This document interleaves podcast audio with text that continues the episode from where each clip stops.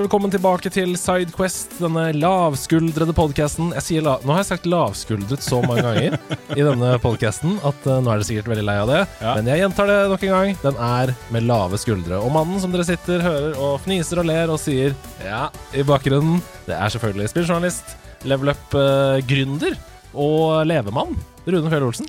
Ja, skuldrene mine er helt nede på gulvet, de faktisk. De er det, De altså. er så lave. Og her kommer KP også uh, inn i altså Knut her på House of Nerds. Nå skjønner dere hvor lave skuldre det er. Vi, vi kommenterer til og med at han kommer inn med en deilig kolbe med kaffe. Livets uh, drikk. Jeg tar meg en kaffe, jeg. Ja, gjør det. Ta seg hell den oppi, så. Ja, nå hører vi Jeg skal ga- gaine opp akkurat det, sånn at vi hørte kaffehellingen der. Ja, kaffe ASMR. K kaffe ASMR. Uh, hvordan har du det? Går det fint? Du, det går kjempefint. Eh, det har vært en eh, ganske myk start på året, eh, vil jeg si. Men det har jo begynt å komme en del greier som, som gjør at liksom, man er skikkelig i gang. Mm. Så, så jeg, jeg, kjenner, jeg kjenner det er Året har starta nå, altså.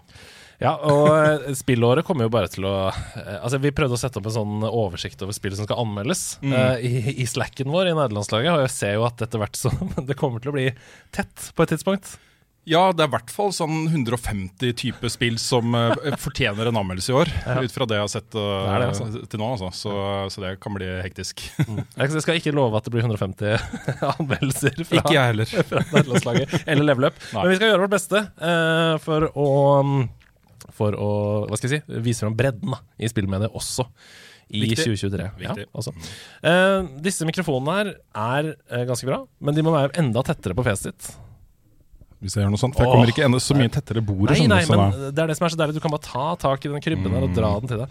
Um, I dag så skal vi snakke om noe veldig gøy. Jeg har jo en sånn smørbrødliste som jeg sender til gjestene. Det er sånn, Her er forskjellige temaer du kan velge fra. Eller du kan være helt fri innenfor denne kategorien. Og det var du, gitt. Ja. For du sa til meg Kan vi ikke snakke om perler på Gameboy Advance? Og aller først, da. Hvilket forhold har du egentlig til Gameboy Advance? Det er jo tidenes beste håndholdte konsoll, og særlig den der SP-varianten. Ja. Uh, som, uh, som da hadde uh, to flater, på en måte. Du kunne klappe den sammen, Mm. ta den i lomma, passa i en, en jeanslomme, ikke sant. Og så skjermen oppe og så knappene nede. Ja. Og det er noen av de flotteste spillopplevelsene jeg har vært på den. da. Mm.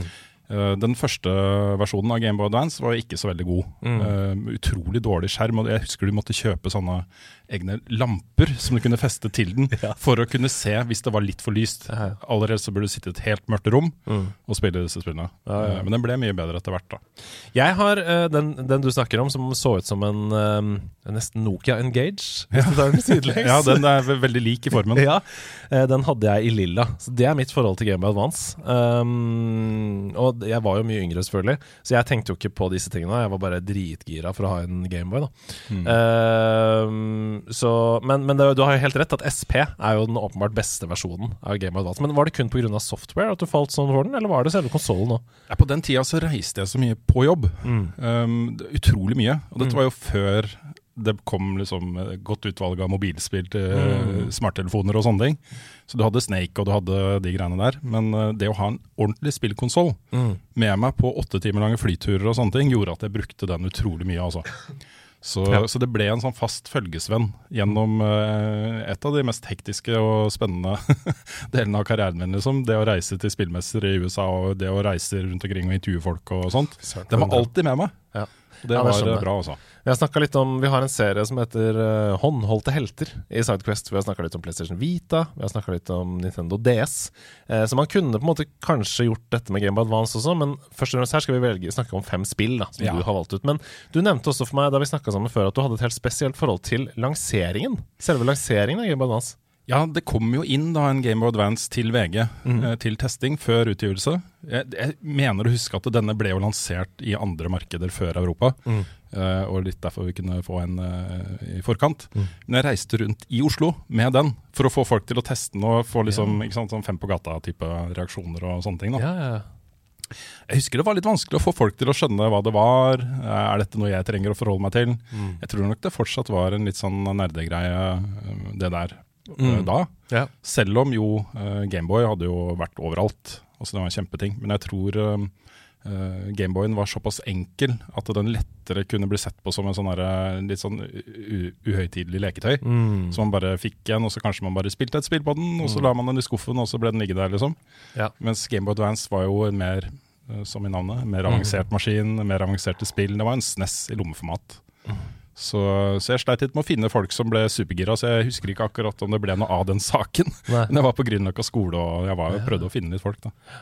Nei, jeg husker det var liksom uh, Gameboy Color var jo uh, en revolusjon da den kom. Det gikk fra plutselig Gameboy farger, liksom. Men jeg husker at jeg som ung den gangen tenkte ikke at liksom overgangen til Advance var så viktig Nei. for meg. Fordi jeg hadde jo Color og sånn, inntil jeg begynte å spille de fantastiske spillene på den. da. Eh, du har også tatt med noe helt annet her. Ja, for Grunnen til at jeg foreslo at vi kunne snakke litt om Game of Advance, er fordi for sjukt lenge siden, vi snakker sånn halvannet år siden, så eh, gikk jeg inn på analog-sidene og forhåndsbestilte eh, deres nye konsoll, Analog Pocket.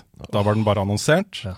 Jeg kom ikke med på den første bølgen av folk som fikk den, eh, men jeg kom med på den andre eller tredje. Så den kom nå, for bare et par uker siden. Og nå sitter jeg med en svart boks som er som eh, Den er, altså, den er som snytt ut av nesa på Apple, dette designet her. Dette er så Det føles så eksklusivt å få de greiene der. Ja, det er så tung, tung og deilig. Ok, nå åpner jeg boksen. Å, shit! Se på den her! Oi, oi, oi! Den er utrolig pen. Det er en 1440P-skjerm, Andreas. Nei, det er ikke mulig! Og de sitter jo helt perfekt i triggerne på baksiden. Mm. Dette er jo forma etter en, eh, en Game of Advance SP også. Den er bare litt større, og så er den jo ikke mulig å klappe sammen. da. Men, eh, men dette er eh, basically en, en plattform for lovlig innkjøpte cartridges til eh, håndholdte spillplattformer. Eh, ut av boksen så kommer jo alle Gameboy-versjonene fram til DS, altså ikke inkludert DS, men inkludert GBA. GBA da. Ja. Uh, men du kan også kjøpe adapter og få inn Atari Lynx og Game Gear og masse andre greier. da. Det er fantastisk, og knappene føles jo veldig bra. Altså, Å trykke på D-paden føles veldig bra. Det er en helt uh, usannsynlig høy produksjonskvalitet på, på dette her, altså. Hvordan har de lov til dette? Vet du det? Jeg er usikker. Det hjelper jo litt da, at den ikke er laget for, eh, for uh, piratkopierte spill. Ja. Um, at det er mer en sånn homasj.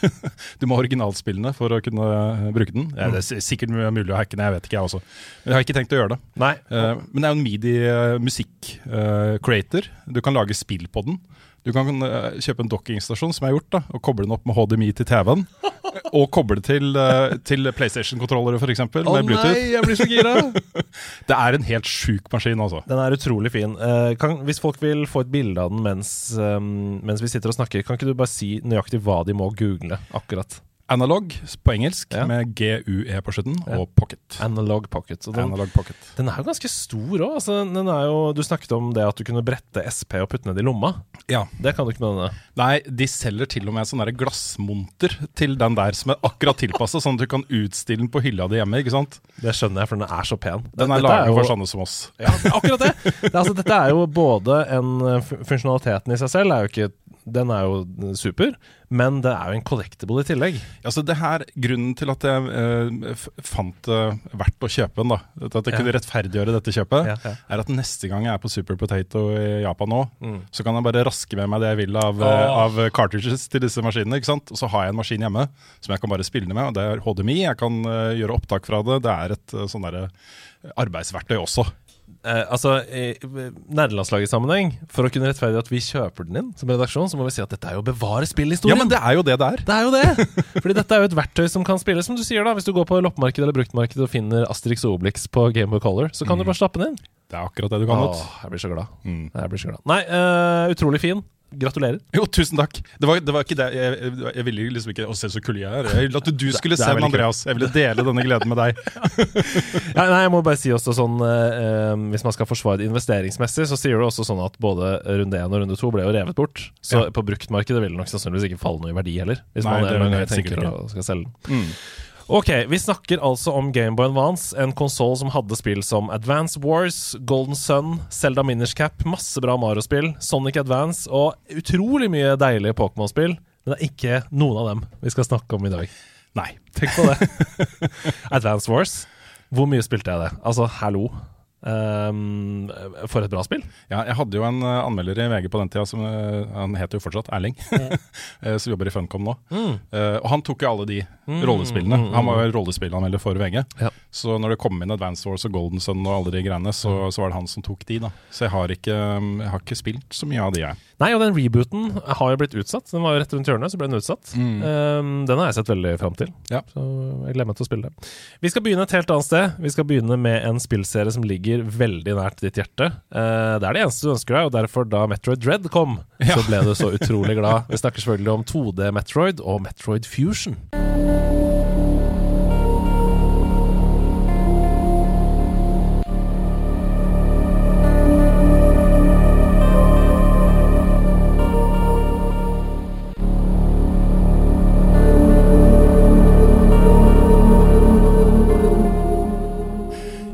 Dette er et originalutvikla uh, Metroid-spill til GBA, mm. hvor, um, hvor uh, du får jo på en måte en helt ny historie med, med Samus, uh, men en veldig veldig, veldig sterk 2D Metroid-opplevelse. En mm. fullverdig 2D Metroid-opplevelse. Mm. Det, det, er rett og slett et, et, av de beste spillene i den serien. Det er særlig noen sekvenser sånn mot slutten og sånt, hvor hun mister hele suiten sin. Og mm. altså, uh, dette er jo det Metroid-spillet jeg har spilt på Advance, ja. uh, og det er kjempebra. Altså, jeg tror egentlig jeg fikk en litt sånn uh, re... Altså at jeg forsto hva det er jeg liker med Metroid, da jeg spilte Metroid Dread. Mm. Fordi jeg syns det er et veldig bra spill. kjempeskummelt. um, men jeg syns til tider, og dette er, bare, dette er et meg-problem, dette er ikke et spillet-problem, men jeg syns til tider det er for uh, mye backtracking og for mye i Metroid Dread. Uh, altså hva skal jeg si, problemløsning. Det blir for stort for meg. da. Mm. Mens Metroid på håndholdt på Gameboy, det er et litt mindre format. Det er det. Og jeg setter pris på det, da. Ja, jeg gjorde også det da. Og da hadde jeg jo spilt selvfølgelig Metroid Prime og var fryktelig glad i det spillet. Og mm. uh, Super Metroid og alle disse. Hadde jo spilt de. Mm. Så jeg hadde jo et forhold, veldig nært og tett og godt forhold til Metroid fra før. Mm. Men dette er på en måte Her destillerer du ned uh, grunnprinsippene i Metroid i et uh, veldig sånn kompakt format. Mm. Hvor, uh, hvor um, Altså, det, det, kunne vært et SNES-spill, da. Eh, rett og slett. Ja, rett og slett. Um, og så um, er jo sequence breaking i Andreas i disse spillene er jo så gøy. og det åpner opp spillene på en helt annen måte. Mm. Uh, og det, det, gjør at, at du kan ja, spille gjennom mange ganger og oppdage mm. nye ting og andre måter å gjøre ting på. alt dette her. Mm. Ja, ja, men det, ja, grunnen til at jeg likte det så godt, det er vel det at det er mer lineært, da, kanskje, mm. enn en andre Metroid-spill. Jeg, jeg, jeg, er litt sær sånn sett. Jeg har vokst opp med Mario, liksom. Går fra venstre til høyre. Eh, og liker også, selv om jeg liker alle Mario-spill, så liker jeg f.eks. Super Mario Galaxy bedre enn Odyssey. Ja. Fordi eh, det er en nå skal du ta den stjerna, og det er å mm. gå denne veien. Ja. Uh, jeg digger friheten i, i det òg. mm. Ok, nå har du fått den, du vet akkurat hvor du skal bruke den nye bildet billedtiden eller det nye våpenet du har fått. Jeg gleder meg, jeg ja. koser meg ja. og dra tilbake dit. Hva er bak den døra? ikke sant? Ah, ja. det, for det liker jeg jo. Når jeg først har liksom det jeg skal, da er det sånn ah, nå endelig. Ja. Men november 2002. Um, ehm, husker du sånn cirka hvor du var da dette kom? Hadde du gleda deg lenge? Skulle du anmelde det, f.eks.? Ja, jeg, jeg, tror ikke jeg faktisk anmeldte det spillet. Um, jeg uh, husker at jeg så litt ned på, på Metroid på håndholdt ja. da. Ja, ja, ja. Uh, jeg, jeg, var um, Jeg hadde en, en, forventning om at det ikke kom til å være så bra, egentlig. Ja. Fordi det var håndholdt? Altså, fordi, det, fordi, det, var håndholdt. Ja. Um, at det skal være mer accessible for folk og liksom ikke så nerdete, da, som kanskje du Ja, og litt av grunnen til at jeg er så glad i, i GBA nå, er jo fordi jeg oppdaga gjennom å spille disse spillene Uh, hvor uh, utrolig sterke opplevelser det er. Ja. Og det gjelder jo definitivt Metroid Fusion også. Mm. Et, uh, et soleklart spill man, når man skal liksom oppsummere Metroid-serien. Så det å være innom Metroid Fusion og, og, plassere det et sted på den lista er jo helt naturlig. Det mm. vil jo havne over kanskje noen av Metroid Prime-spillene for, for, mange, ikke sant. Ikke sant? Så, ja. Nei, Et veldig bra spill, utrolig godt mottatt da det kom også. Ligger på 92 av 100 på Metacritic, altså fra eh, anmeldernes perspektiv. Eh, user score snakker vi ikke om i nederlandslaget, men eh, Jeg så at, eh, så at eh, en fjerdedel av alle brukerscores på IMDb av The Last of Us eh, episode 3 Mm. Er én av ti. Nettopp. Så Derfor så snakker vi ikke om Musescore. Ja, vi, dette er en liten sånn sidetrack, men vi hadde en eh, todelt episode i nederlandslaget som heter Spillmediets eh, seks største utfordringer. Ja. Som jeg snakka med eh, Audun Rodem Mhm. og Erik Fossum fra Pressfire eh, om seks ulike deler. Og der var mobkultur var én av de seks. Altså eh, kultur knytta til spill, da. Ja. Hvor på reviewbombing f.eks. er Mm. en utfordring.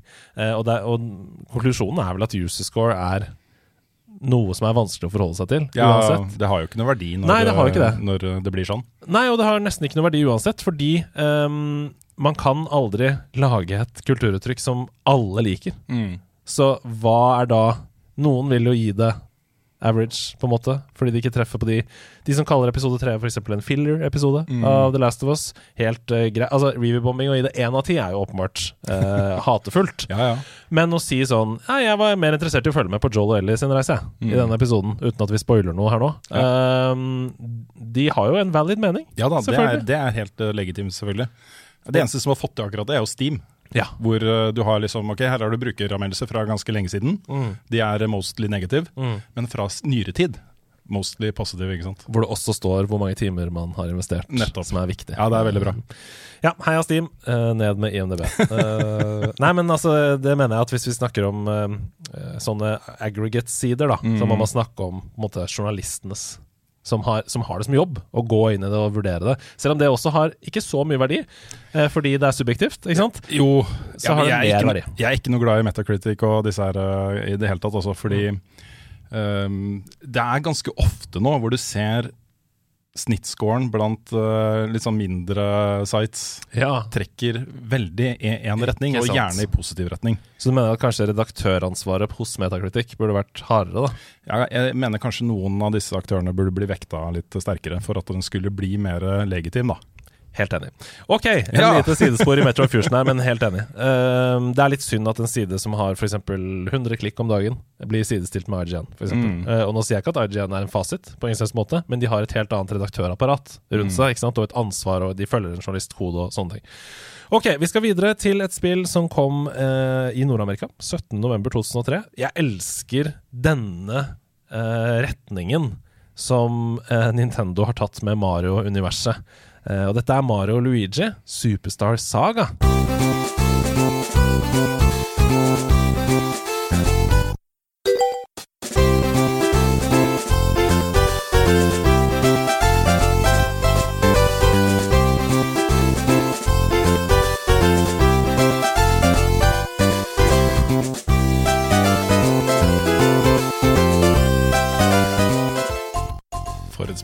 For et spill!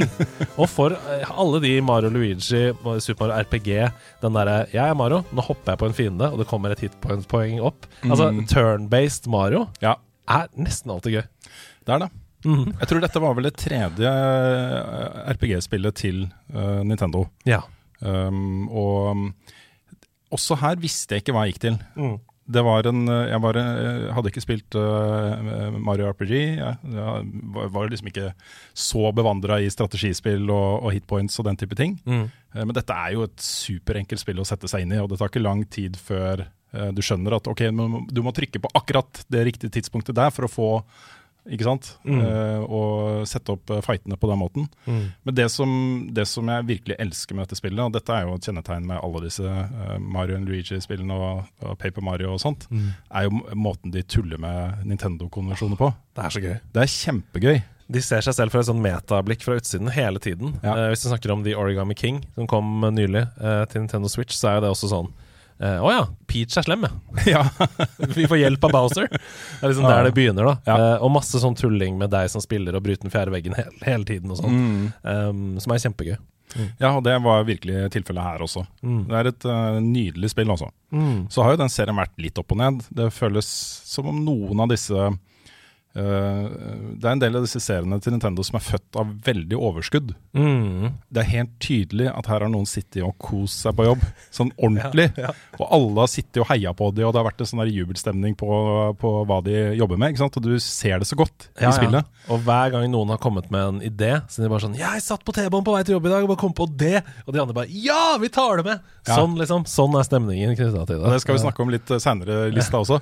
Men, eh, men eh, det, det som nok skjer, da eh, Nå kommer du til spill nummer fire i serien, ikke sant? Mm. Som kanskje er da født fordi nei, Burde vi lage et nytt Mario Luigi-spill, eller? Mm. Ja, kanskje det. Det kommer sikkert til å selge bra også. Er det noen som har noe energi på det? liksom? Ja. Ordet går rundt uh, i Litt sånn. Nintendo. Ja. Mm.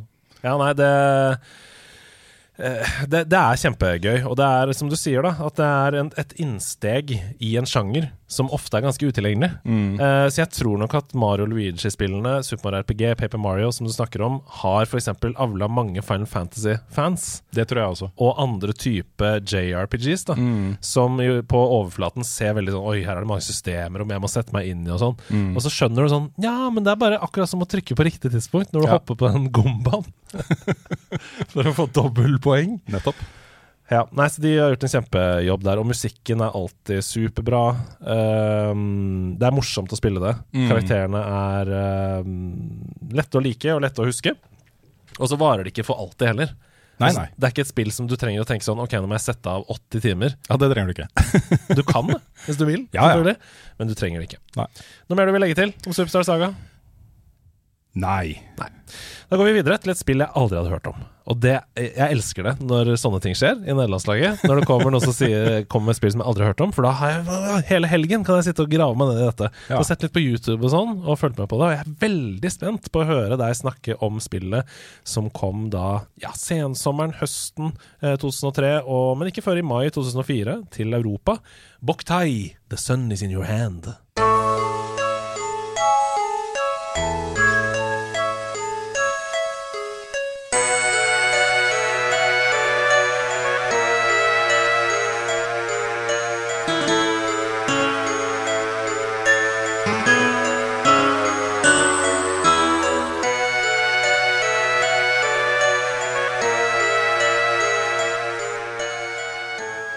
Utviklet av eh, ikke ukjente Hideo Kojima. Åh, selvfølgelig. Selvfølgelig. Produsent, til og med.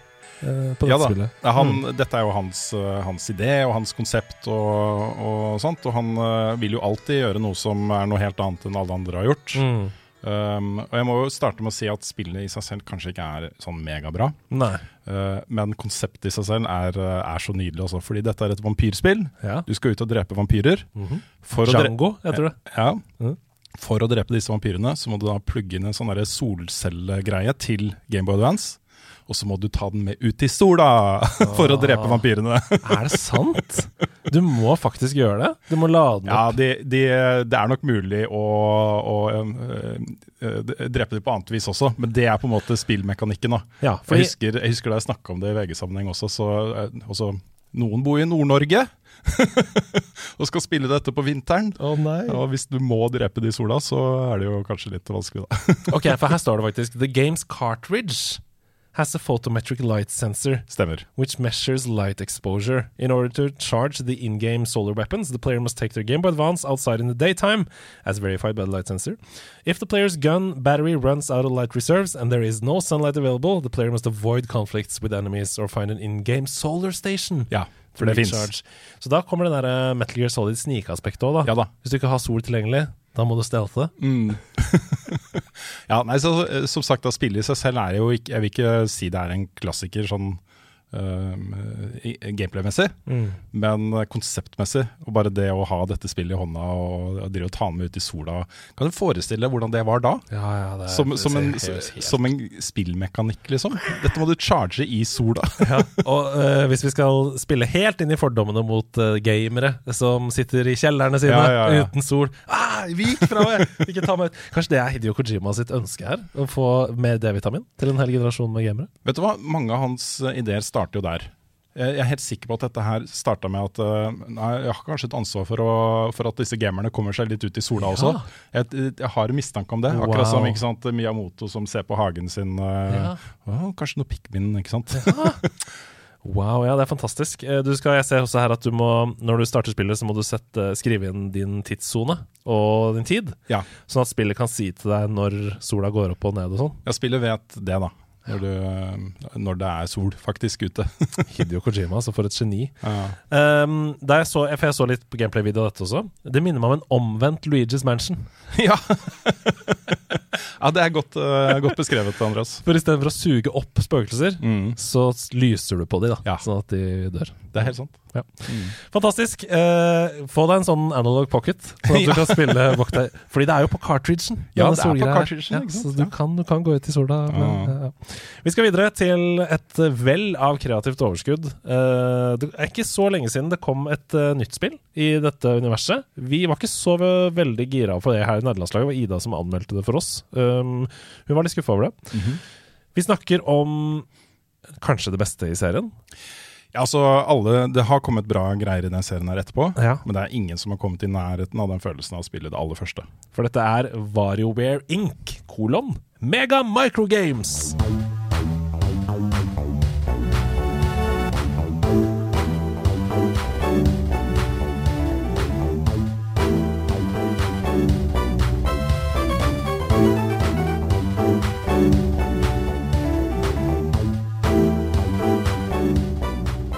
Yes. Kom i mars i 20, 2003 i Japan. Kom i mai, da, til Europa. Ja. Dette er jo eh, veldig atypisk eh, Nintendo. Mm. Eh, det er jo en samling med minispill som varer i bare noen sekunder. Mikrospill, nesten. Ja, mikrospill, ja. som i navnet. Ja. og spillene er sånn det går en finger fram og tilbake på skjermen, og så må du trykke på akkurat riktig tidspunkt, sånn at den fingeren går opp i nesa som er på toppen av skjermen. Ja. Og du får ingen instrukser Nei, nei. når du starter. Altså Du må bare se, og så må du på liksom veldig kort tid forstå hva det er du skal. Ja. For eksempel så står det sånn her, da, 'pick the nose', for eksempel. på sånn japansk-engelsk. engelsk. Ja, ja, ja. og så er det sånn 'hæ, hva betyr det?' Å ja, ok, du må trykke på riktig sted. Så du blir jo bedre i disse spillene jo mer du spiller. For da kan du oh, ja. repetere noe av det. Mm. ja nei, du, du får jo en feeling, feeling på, på hva spillet ber deg om å gjøre ganske raskt. Mm. Eh, men så begynner det å gå fortere og fortere, og så, ikke sant. Mm. Eh, og det, er- det som har kommet av uh, morsomme ting etterpå der, er jo multiplayer, hvor, Ja. uh, hvor uh, man da spiller sammen med andre og konkurrerer. Ja, Da får det en tilleggsdimensjon som, det spillet, som kler det spillet her veldig godt. da. veldig. Men da dette kom, så var det jo egentlig ikke noe forhåndshype på det. Mm -hmm. uh, ingen som helt visste hva det var. Eh, det å sette seg ned med dette spillet første gang eh, uten noen forventninger, var en veldig rar opplevelse. Ja, for det var, det var ikke noe hypa i media eller noe å snakke om? Nei, ikke som jeg hadde fått med, i hvert fall. Jeg satte meg liksom bare ned med dette spillet øh, og satte i gang, og hadde det bare så utrolig fett fra første sekunden, liksom. Uh, og jeg var jo såpass heldig å møte en som heter Sakamoto, som er uh, leder for research, research and development-avdelingen til Nintendo. Tenk å jobbe der. Ja, tenk, å jobbe der. Han er blant annet øh, Metroid-seriens uh, pappa også. Ja. Han som sørga for at øh, Nintendo begynte å lage Metroid, som også er en veldig atypisk uh, Nintendo-serie. ja, det er jo det. Um, jeg husker jeg spurte han, fordi jeg hadde akkurat spilt Warware. Det hadde akkurat kommet ut. Uh, og jeg var uh, veldig, veldig fornøyd med det spillet. Uh, han var der egentlig for å snakke om et annet spill. Mm. Uh, men så spurte jeg han da, uh, er det sånn, er det sånn at dere gikk uh, liksom rundt på kontoret og hadde en tavle liksom, hvor hvem som helst, uansett om de var liksom uh, jobba på lager eller ved posten, eller kunne bare klistre opp ideer til minispill. Og han var sånn Ja! Det var akkurat sånn det var! og han det bare lyste av øynene hans. Dette prosjektet her tror jeg var et veldig viktig prosjekt for Nintendo. Ja. For hele Nintendo. Den der å slippe kreativite kreativiteten og den barnslige gleden av å lage spill løs på den måten, tror jeg gjorde ganske mye med det selskapet, altså. Og firmakultur og alt. Det er så utrolig kult å høre, og, og høre fra en som faktisk har fått høre da, fra førstehåndserfaring. Ja, ja, men det, Eh, jeg kommer aldri til å glemme hvor oppglødd han ble Nei. da han skjønte at jeg ville snakke om Warware. ja, det elsker jeg. Nei, fordi ja, Vi har jo hatt um, gjester her tidligere. Anders Lørland, blant annet, som er redaktør på Kåss til kvelds og artist. Han, han uh, elsker Mario Party. Og da hadde vi en uh, episode som handler om de 15 beste minigames i Mario Party. Eller noe sånt, et eller annet sånt. Og da hadde han et bilde på det. Jeg lurer sånn på hvordan det er å sitte og komme på de minigamesene Ja. for Mario Party. Er det sånn at de kommer inn på jobb, og så er det liksom et, et skap med Red Bull, og så er det bare sånn Fri! Alle forsyner seg! Nå Jeg, jeg tror han er ganske nærme, men bytte ut eh, Red Bull med sake eller, eh, eller øl, så tror jeg det er ganske nærme. For dette er sånn typisk det er, det er så vanlig å gå ut på bar sant, etter arbeidsdagen, og arbeidsdagen er jo gjerne over i ni-ti-tiden på kvelden og sånt.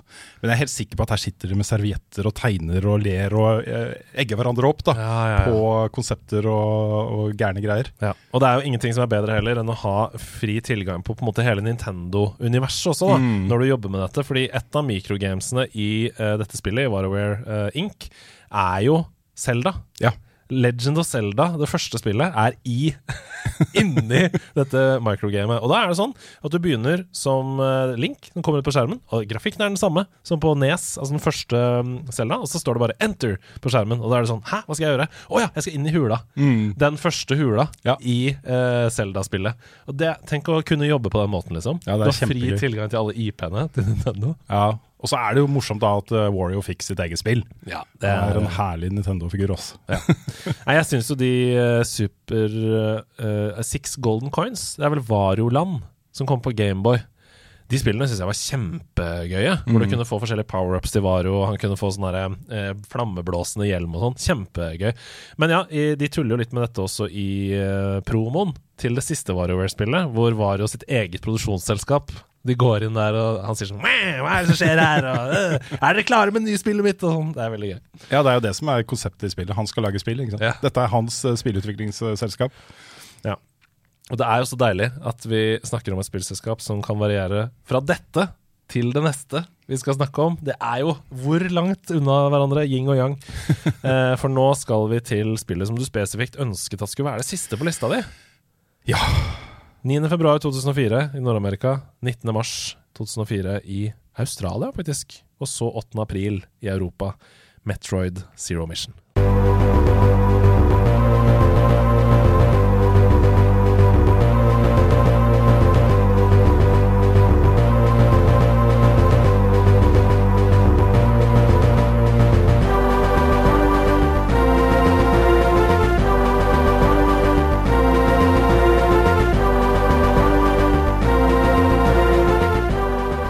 Det er eh, kanskje, er trolig, mitt favoritt-Metroid-spill eh, noen gang. Av alle, av alle Metroid-spill som har kommet ut, så er dette trolig mitt favorittspill. Tenk at jeg ikke har spilt det. Ja, Det er et så utrolig bra spill, og det er en skam at ikke de har gjort noe mer med akkurat det spillet. Eh, dette burde komme ut uh, på Switch. Ja. Um, det, er, det er også Ja. Uh, Men er, bare før du fortsetter, er Zero Mission såpass på en måte særegent at man kunne laget et univers knytta til bare Zero Mission-spill? Kunne man laget Zero Mission 2, Zero Mission 3? for? Nei, det er en remake av det første spillet. Å ja, det er det, ja! Det aller første Metroid-spillet på, Åh. på Gameboy. ok, det visste jeg ikke. Det er på NES, på NES selvfølgelig. Mm. Um, den, uh, full remake med da alt de hadde lært av Fusion og, og Super Metroid. Wow. Uh, så de har lagt til litt abilities og endra litt og sånt. Men i all hovedsak uh, så er det en, en full remake av Ja. det aller første Metroid-spillet. Ja, for jeg så litt på gameplay-video av dette også, og jeg syns det så helt eh, fantastisk ut. Ja, det er Eh, kjempebra. Og dette er, jo, dette er jo på en måte det første Metroid-spillet som jeg virkelig bare gravde meg ned i og begynte å speedrunne og sequence-breake og gjøre alle de tingene som er mulig å gjøre. Mm. Eh, og den følelsen som man sitter igjen med da, er jo Nå er jeg bare verdens kuleste person, og dette er verdens kuleste spill som lar meg få lov til å eksperimentere på den måten her. Ja. Og det er et så utrolig bra spill, altså. Um, her ligger vi jo nærmere type Metroid Dread, som jeg også er fryktelig glad i. Mm. Eh, Det er et kjempebra spill. Ja, det syns jeg også. også. Men det er sånn, i, i grunndesign så, så, så er det på en måte Så selv om Metroid Prime-spillene er kjempegode, det er utrolig stemningsfulle og veldig veldig gode 3D-versjoner av Metroid, Mm. så syns jeg Metroid er best i 2D, altså. Ja. Eh, og da mm, troner nok eh, Zero Mission øverst på, på den lista. Jeg er enig i det, og jeg tror det har noe med ehm, hele den Castlevania Metroid-oppskriften. da Mm. Um, Det blir, i hvert fall for meg, for mye å holde styr på å forholde seg til når det er i tre dimensjoner i tillegg. I 2D så er det bare så digg flyt, og det er, så, det er mye lettere å huske hvor du har vært og hvor du skal, og det kartet fungerer mye bedre, syns jeg, sånn, i 2D. Vet ikke hvorfor, men uh, jo, jeg så jo på denne, disse gameplay-videoene som jeg snakka om, og um, du blir jo også her jaga av folk, og du må gjemme deg Ja da. i skygger og sånn, Ja. som eh, jeg syns det er så skummelt. Ja, nei, Du mister jo alle abilityene som du gjør i alle disse spillene. Ja. Uh, I dette spillet så er du jo virkelig helt hjelpeløs. Du må virkelig eh, gjemme deg. Du kan ikke havne i, i konflikt i det hele tatt. Mm. I en sekvens, da. Det er jo ikke sånn hele spillet. Nei. Men, uh, men eh, det For er der er rett og slett Samus uten hjelm og med håret flagrende. Og, Ja, ja, ja. ja det er, vi er mot slutten av spillet, da. Mm. Eh, og uh, det er en helhetspakke der med alle disse verdenene som man kjenner igjen fra andre Metroid-spill med disse forskjellige planetene og Mm. områdene og musikken som er knytta til de og alt dette her. Så, så er det den komplette Metroid-opplevelsen, altså. Og det er rett og slett bare på Game Boy Advance. Kun på Game Boy Advance. Det Er er, det, er, skam, det noen, altså. er det noen måte å liksom spille Jeg ser at det var, rele var releasa på eh, Wii U sin virtual console bare i Japan og USA. Ja, det stemmer. Hvorfor?! Ja, hvorfor? Nei, dette spillet her har jeg så lyst til å spille igjen. Jeg har jo spilt det igjen da, i nyere Ja, tid. ja. Eh, men, eh, men jeg har lyst til å ha den i, eh, i sånn oppskalert uh, pikselstørrelse. Mm. Den kan godt fortsatt være 4-3, det gjør ikke noe. Men, eh, men eh, jeg vil ha den på en, en nyere skjerm. Ja, for nå har du jo Analog Pocket. Ja da, skal, det er eh, vel kanskje det første jeg kommer til å spille på den, tror jeg. Men har du det cartridgen fysisk? Et sted, jeg Ja. bare vet ikke hvor. Et sted så har jeg disse cartridgene. Nei, så jeg kjenner meg igjen. Kjenner meg igjen. Ja. Eh, Et sted så ligger også min PlayStation Vita med noen Ja, ting. ok, eh, fantastisk. Noe mer du har lyst til å legge til om Game Boy Advance? Nei, altså, jeg kan jo gjenta da at det er min favoritthåndholdt spillmaskin. Mm. Jeg, jeg har nok For min egen del så har nok eh, mobiltelefonen tatt over eh, Mm. funksjonen til disse gamle, gode håndholdte spillmaskinene. Mm. Um, der er det jo masse bra spill på, på smarttelefon. Mm. Jeg abonnerer på Apple Arcade f.eks. Kjempebra. Ja, det er en utrolig god tjeneste. Ja, En sånn utrolig viktig tjeneste også, som er et um, motsvar til den veien mobilspill var på vei til å gå. Mm. Uh, kom i grevens tid. Ja, det gjorde det altså. Ja. Det var et veldig godt grep. Mm. Jeg husker også det var mange utviklere som hadde kasta seg på den derre jeg, jeg vil også tjene like mye penger som Mhm. Candy Crush. Mm. Eh, og så innførte alle disse her, eh, mikrotransaksjonsmodellene. Mhm. Og så skjønte jo 99% av de at det er jo bare den ene lille prosenten som faktisk Ja. tjener penger på dette. Absolutt. Vi må tilbake til, eh, til premium-modellen og ta 30 kroner for dette spillet vårt. Mm. Ja. Heldigvis. Men, eh, Heldigvis. Ja. Nei, Nei, men er, eh, jeg, jeg savner litt det å ha en sånn helt dedikert håndholdt spillmaskin. mm. Um, og så er det noe et eller annet med disse cartridgene da, som Mm. bare funker. Ja. Det, er, du kan, ikke sant? Det, er, det blir sånn økosystem som, eh, som, som er ganske kos. Jeg velger å tro at selv om vi har eh, fått eh, Nintendo Switch, som er en hybrid, og vi har fått mobiltelefoner, så tror jeg ikke vi har sett den siste håndholdte konsollen. Det tror jeg ikke. Nei, jeg, jeg tror også det er marked for det også, men uh, Spesielt nå som vi snakker om skjermtid, og vi snakker om at barn uh, blir eksponert for mobiltelefon for tidlig, mm, videre. Jeg tror vi kommer til å komme til en slags digital revolusjon på et eller annet tidspunkt, der hvor mobiltelefon f.eks. går tilbake for mange til å være mest først og fremst en kommunikasjonsplattform, mm. Uh, og så har man rendyrka opplevelser for andre ting. Det tror jeg. Jeg tror øh, øh, mobiltelefonprodusentene kommer til å bli pålagt av EU og myndigheter over hele verden til å ha sånne innstillinger som f.eks. er sånn Du kan bare bruke den telefonen en halvtime Ja, eh, per dag ja. øh, mellom sånn og sånn. Mm. Eh, disse og disse app, appene og, og programmene vil ikke være tilgjengelig sånn og sånn. Mm. Og så mye mer kontroll da, over hvordan man faktisk bruker disse telefonene. Ja, det får vi håpe. Eh, Det er en helt annen episode. Jeg gleder meg til vi skal lage den. Ja, det blir, det blir gøy. iPhone og Android sin fremtid. Mm. Tusen hjertelig takk for en utrolig fin gjennomgang av fem eh, perler på Game by Advance. Um, jeg må kjøpe en Log Pocket. Det er en helt rå maskin, ass. God helg, folkens. Hei, hei.